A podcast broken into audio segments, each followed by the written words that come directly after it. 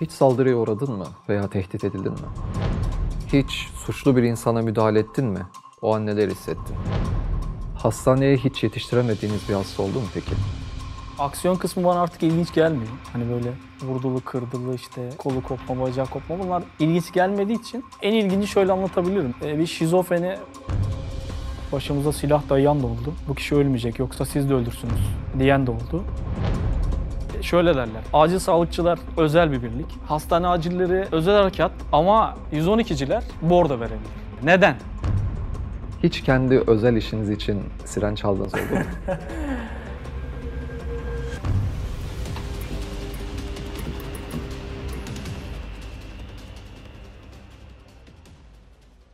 İsmim Osman. Ee, 10 yıldır acil yardım ambulansında görev yapıyorum. İstanbul'un hemen hemen bütün bölgelerinde bu göreve görevde bulundum. Acil sağlık çalışanı kimdir? Biraz bahseder misin? Acil sağlık çalışanı yani ambulans kendi birimimden bahsetmem gerekirse ambulanstaki acil sağlık çalışanı oluşabilecek bütün acil vakalara en hızlı şekilde müdahale edilebilecek şekilde konumlandırılan bir ambulans ve 3 sağlık personelinden oluşan bir ekiptir. Şimdi acil sağlık zordur. Hastanenin acil de zordur. Ee, ambulanstaki acil de zordur. Ama e, şöyle derler sistem içerisinde. Acil sağlıkçılar özel bir birlik. Hastane acilleri özel harekat ama 112'ciler bordo verelidir sistemde. Neden? E, hastane ortamında bir acildesiniz. Evet orada da çok kötü vakalar size gelebiliyor ama size geliyor. Olay yerinden size geliyor. Ya kendi geliyor, kendileri getiriyorlar ya ambulans da geliyor. Olayın ilk şoku atlatılmış oluyor. E, hastane ortamındasınız, kapalı bir ortamdasınız. Evet çok saldırı arkadaşlarımız oldu. Hastaneler kurşunlandı, baltayla girenler, kavgalar, gürültüler. Ama en nihayetinde kendi evinizdesiniz. Ama biz sürekli deplasmandayız. Düşünün size bir ihbar geliyor. Silahlı yaralı çatışma. E buyurun. Yanınıza 3 tane güvenlik, 4 tane polis alarak gitmiyorsunuz. Ekibiniz buyurun olay yerine. Ve biz de şöyle ambulansımız ve 3 kişi temizliğimizi de kendimiz yapıyoruz. Dediğim gibi yani bu meslek komple düşünüldüğünde zor bir meslek. Ama zor her zaman güzel, seviliyor. Hiç kendi özel işiniz için siren çaldığınız oldu mu? Ya şimdi tabii ki olmadı. Ama şöyle bir sorunla karşılaşıyoruz yani tepki alıyoruz. Boşken siren çalışıyorsunuz diyorlar. Yani bunu mesela ambulans hareket halinde siren çalarken e, ışıkta duruyoruz. Yol vermesi için araçların beklerken camımız açıkken yandan bağırıyor. O ambulans içi boş niye siren açıyorsun falan. Hastaya ulaşmaya çalışıyoruz. Haliyle hepimiz ön kabinde oluyoruz. Arka taraf boş oluyor. Yani bu gibi tepkiler alıyoruz ama aslına bakılırsa yani ambulansın bence her hareketi sirenli olmalı. Çünkü bir vakaya gittiniz, e, o vakayı hastaneye götürdünüz ve görev yerinize geri döneceksiniz. Bence bunun da ivedilikte olması lazım. E şununla da çok karşılaşıyoruz. Siren açık bir şekilde gidiyoruz, sürücüler panik yapıyor. Biri sağa gidiyor, biri sola gidiyor. Zikzak çizmeniz gerekiyor. Ama arkada taşıdığınız hasta yaralı buna uygun değil. Fraktürü var, kırığı var sabit bir şekilde hastaneye ulaşması lazım. Benim sürücü olarak, ambulansı süren bir kişi olarak ani fren yapmamam lazım. Şuna da karşılıyorsun. Sirenin açık, yolu açıyor, bakıyorsun bağırıyor. Yürü sen alan, önün açık, git. Ama yani ben hasta yaralıya uygun bir şekilde ilerlemem gerekiyor. Ve arkada hasta yaralının düşüp de başına gelmeyen şeyleri ambulansın içinde ona yaşatabilirsin. Yani bu yüzden kendi işimiz için siren çalmıyoruz ama yani ambulansın her hareketi bence acil. Vatandaşlarımız da bu konuda biraz daha duyarlı olması lazım. Yani siren sesini duyduğunuz zaman aynalarınızı kontrol edin. Ne taraftan geldiğinizi anlayın. Ambulans ne taraftan geldiğini anlayın. Ve sizin için en uygun olan yana acele etmeden güvenli bir şekilde yol verin. Yaşadığınız en ilginç olay neydi? Yaşadığım en ilginç olay yani aksiyon kısmı bana artık ilginç gelmiyor. Hani böyle normal herkese vurdulu, kırdılı, işte kurşunlanma, kolu kopma, bacağı kopma bunlar ilginç gelmediği için en ilginci şöyle anlatabilirim aklıma gelen tabii ki. Ee, bir şizofreni vakasına gitmiştik. Onun hastane sevkini yapacaktık. Şizofreni vakalarında teşhis konması gerekiyor. Yani ben şizofrenim ya da bunu hastaneye götürülü olmuyor. Bunun teşhisi konuyor. Ondan sonra yanındaki aile bireyi kaymakamlıktan gidip ilgili yazıyı alıyor. Çünkü polisle beraber sevk edilmesi gerekiyor. O yazı varsa şayet, işlemler tamamlanmışsa biz de polis nezaretinde ambulansla ilgili hastaneye sevkini sağlıyoruz. Yine böyle bir hastaya gittik. Kim dedik hasta? Gösterdi. Yanındaki iki erkektiler. İşte yanımdaki dedi. Hayır bu dedi. İkisinin arasında şizofreni kim tartışması başladı. Sensin, işte sensin, hayır sensin. Derken biz evrağı sorduk tabii. İşte polis de yanımızda. O da evrak sordu. İşte evrak bir tanesinin adına. Ama diyor ki ısrarla ben değilim diyor. Tabii hani şizofreni vakalarında böyle şeyler de gördüğümüz için tabii ki hepsi inkar ediyor. Kimse ben şuyum demiyor. Hastalığından dolayı tabii ki. Ee, biz gerekli işlemi yaptık. Götürdük polis nezaretine ama sürekli götürürken ben değilim. İşte büyük bir hata yapıyorsunuz, yanlış yapıyorsunuz. Aradan belli bir zaman geçti. Başka nöbetlerimizde tekrar oraya gitmiş bulunduk. Bir baktık ki e, ben değilim diyen gerçekten değilmiş. Şizofreni olan e, hasta gitmiş kaymakamlıktan sağlam olan velisine şizofreni evraklarını tamamlamış. Sonrasında tabii olay anlaşıyor ama çok enteresan, ilginç bir olaydı. Keşke bu anı görmeseydim dediğiniz bir anınız var mı?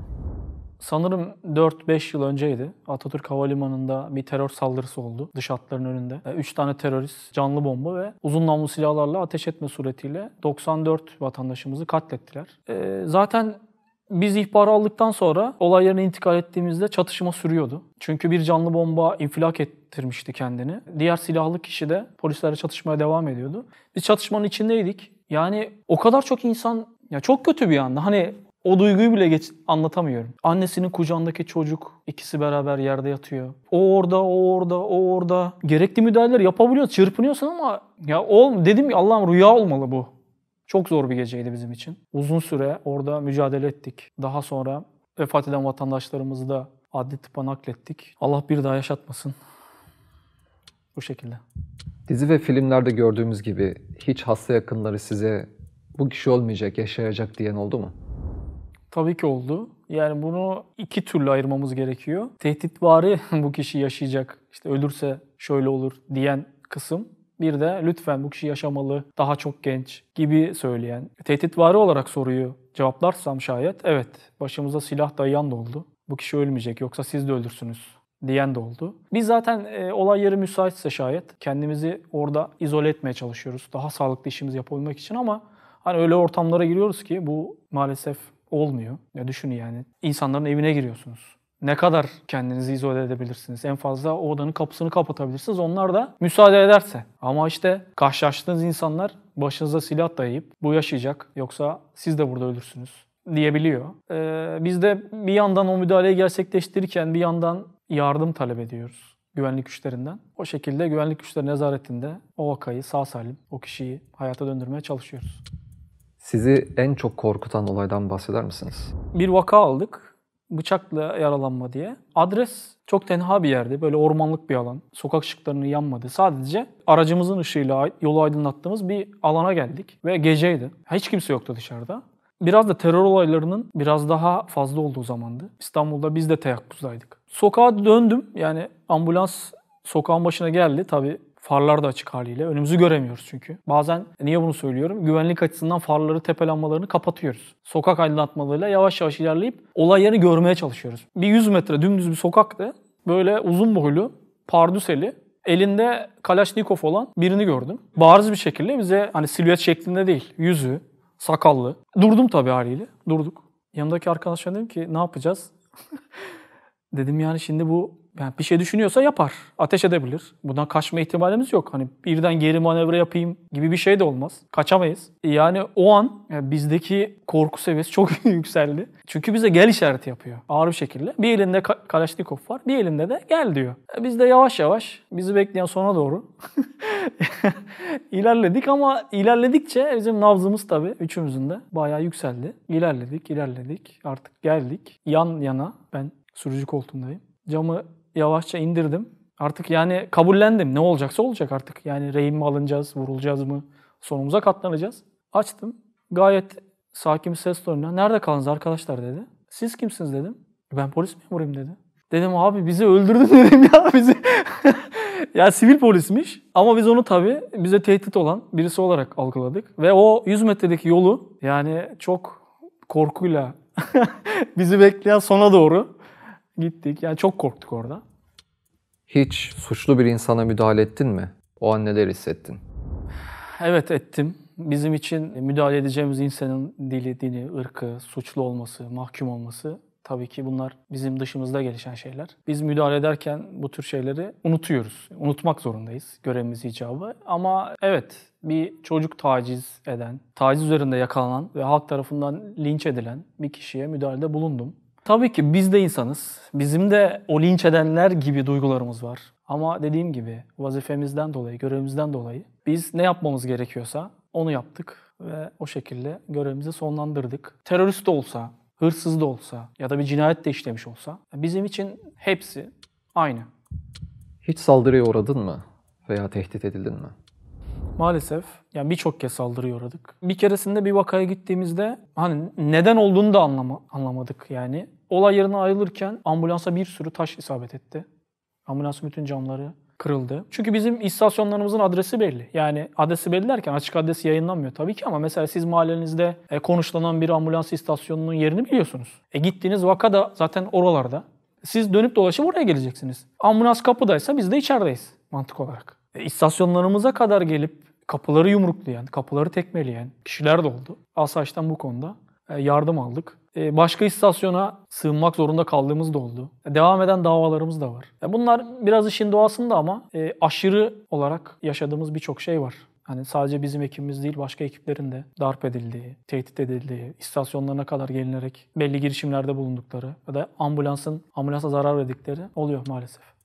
Bu meslekte seni en çok zorlayan şey neydi? En çok zorlayan şey yani e, çocuklar.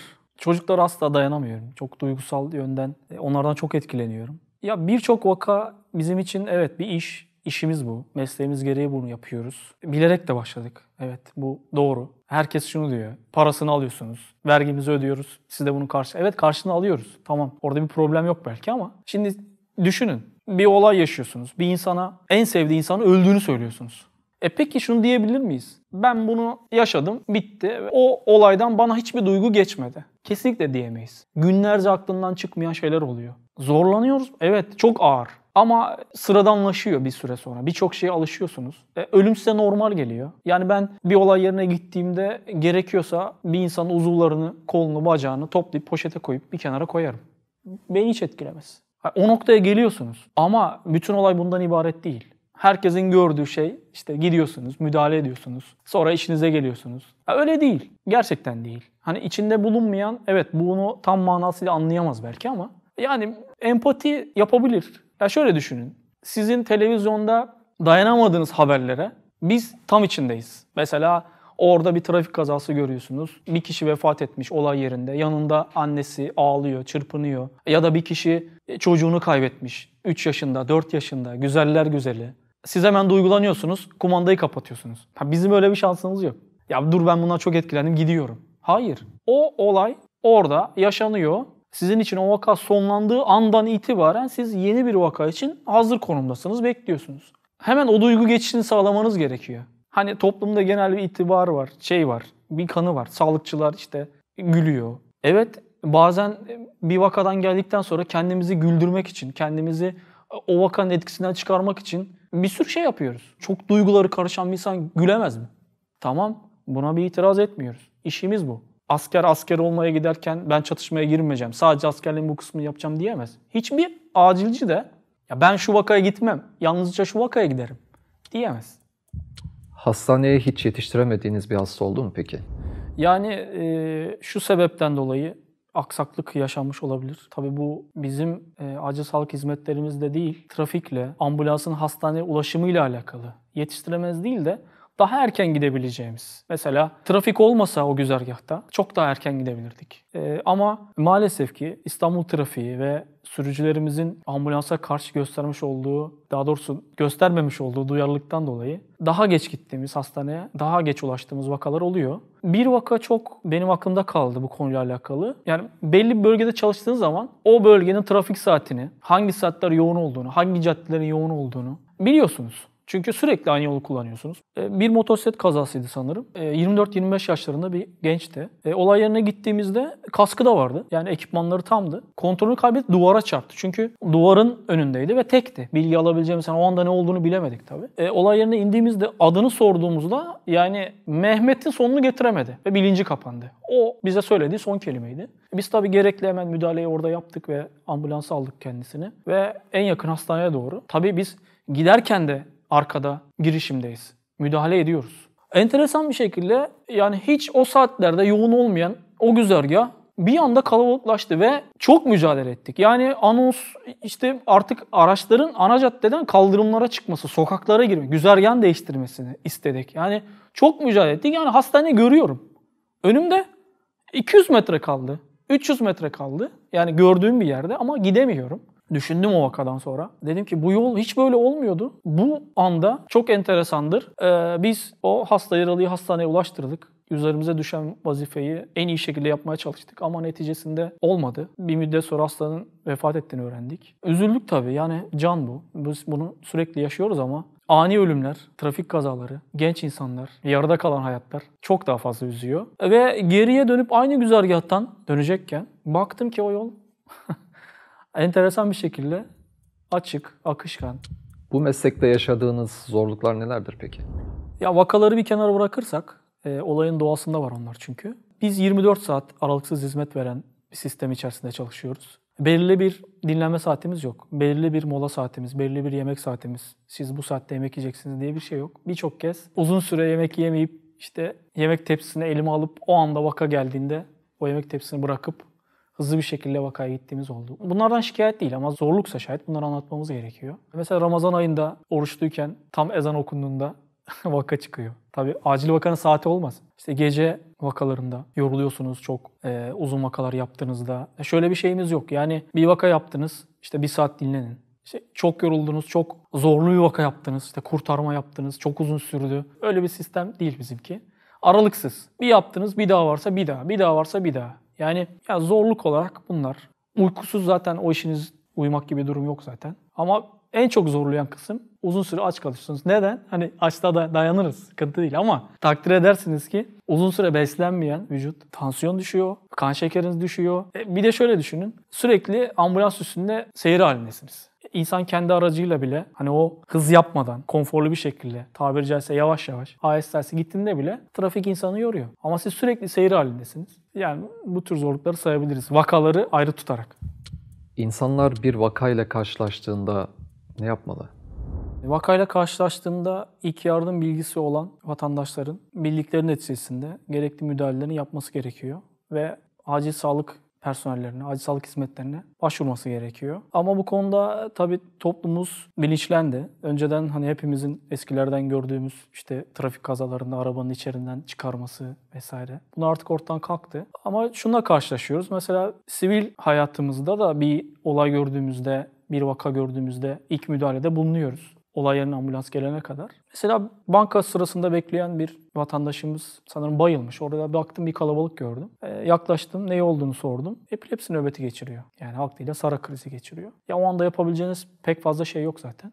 Sadece başının çarpmaması için kendini o çırpınmada yaralamaması için gerekli önlemi almanız gerekiyor. Ben de onu yaptım ve birisine 112 aramalarını söyledim. Ama soğan mı getiren isterseniz, sarımsak getiren mi, koklatalım vesaire. Bunlarla karşılaşıyoruz ama ilk yardım bilgisi özellikle e, bu zamanda çok önemli. Gerçekten hayat kurtarabilir. İlk yardım bilmiyorsanız şayet hiçbir şekilde müdahale etmeyin. Sadece yapmanız gereken şey acil sağlık hizmetlerini aramak ve oradan yardım gelmesini sağlamak. Başka hiçbir şekilde e, hasta yaralıyı yerinden oynatmaması ve herhangi bir müdahalede bulunmaması gerekiyor. Abi anlattığın olayları deminden beri dinliyorum. Eminim şu anda bizi izleyen kardeşlerimiz de çok etkilenmiştir bunlardan.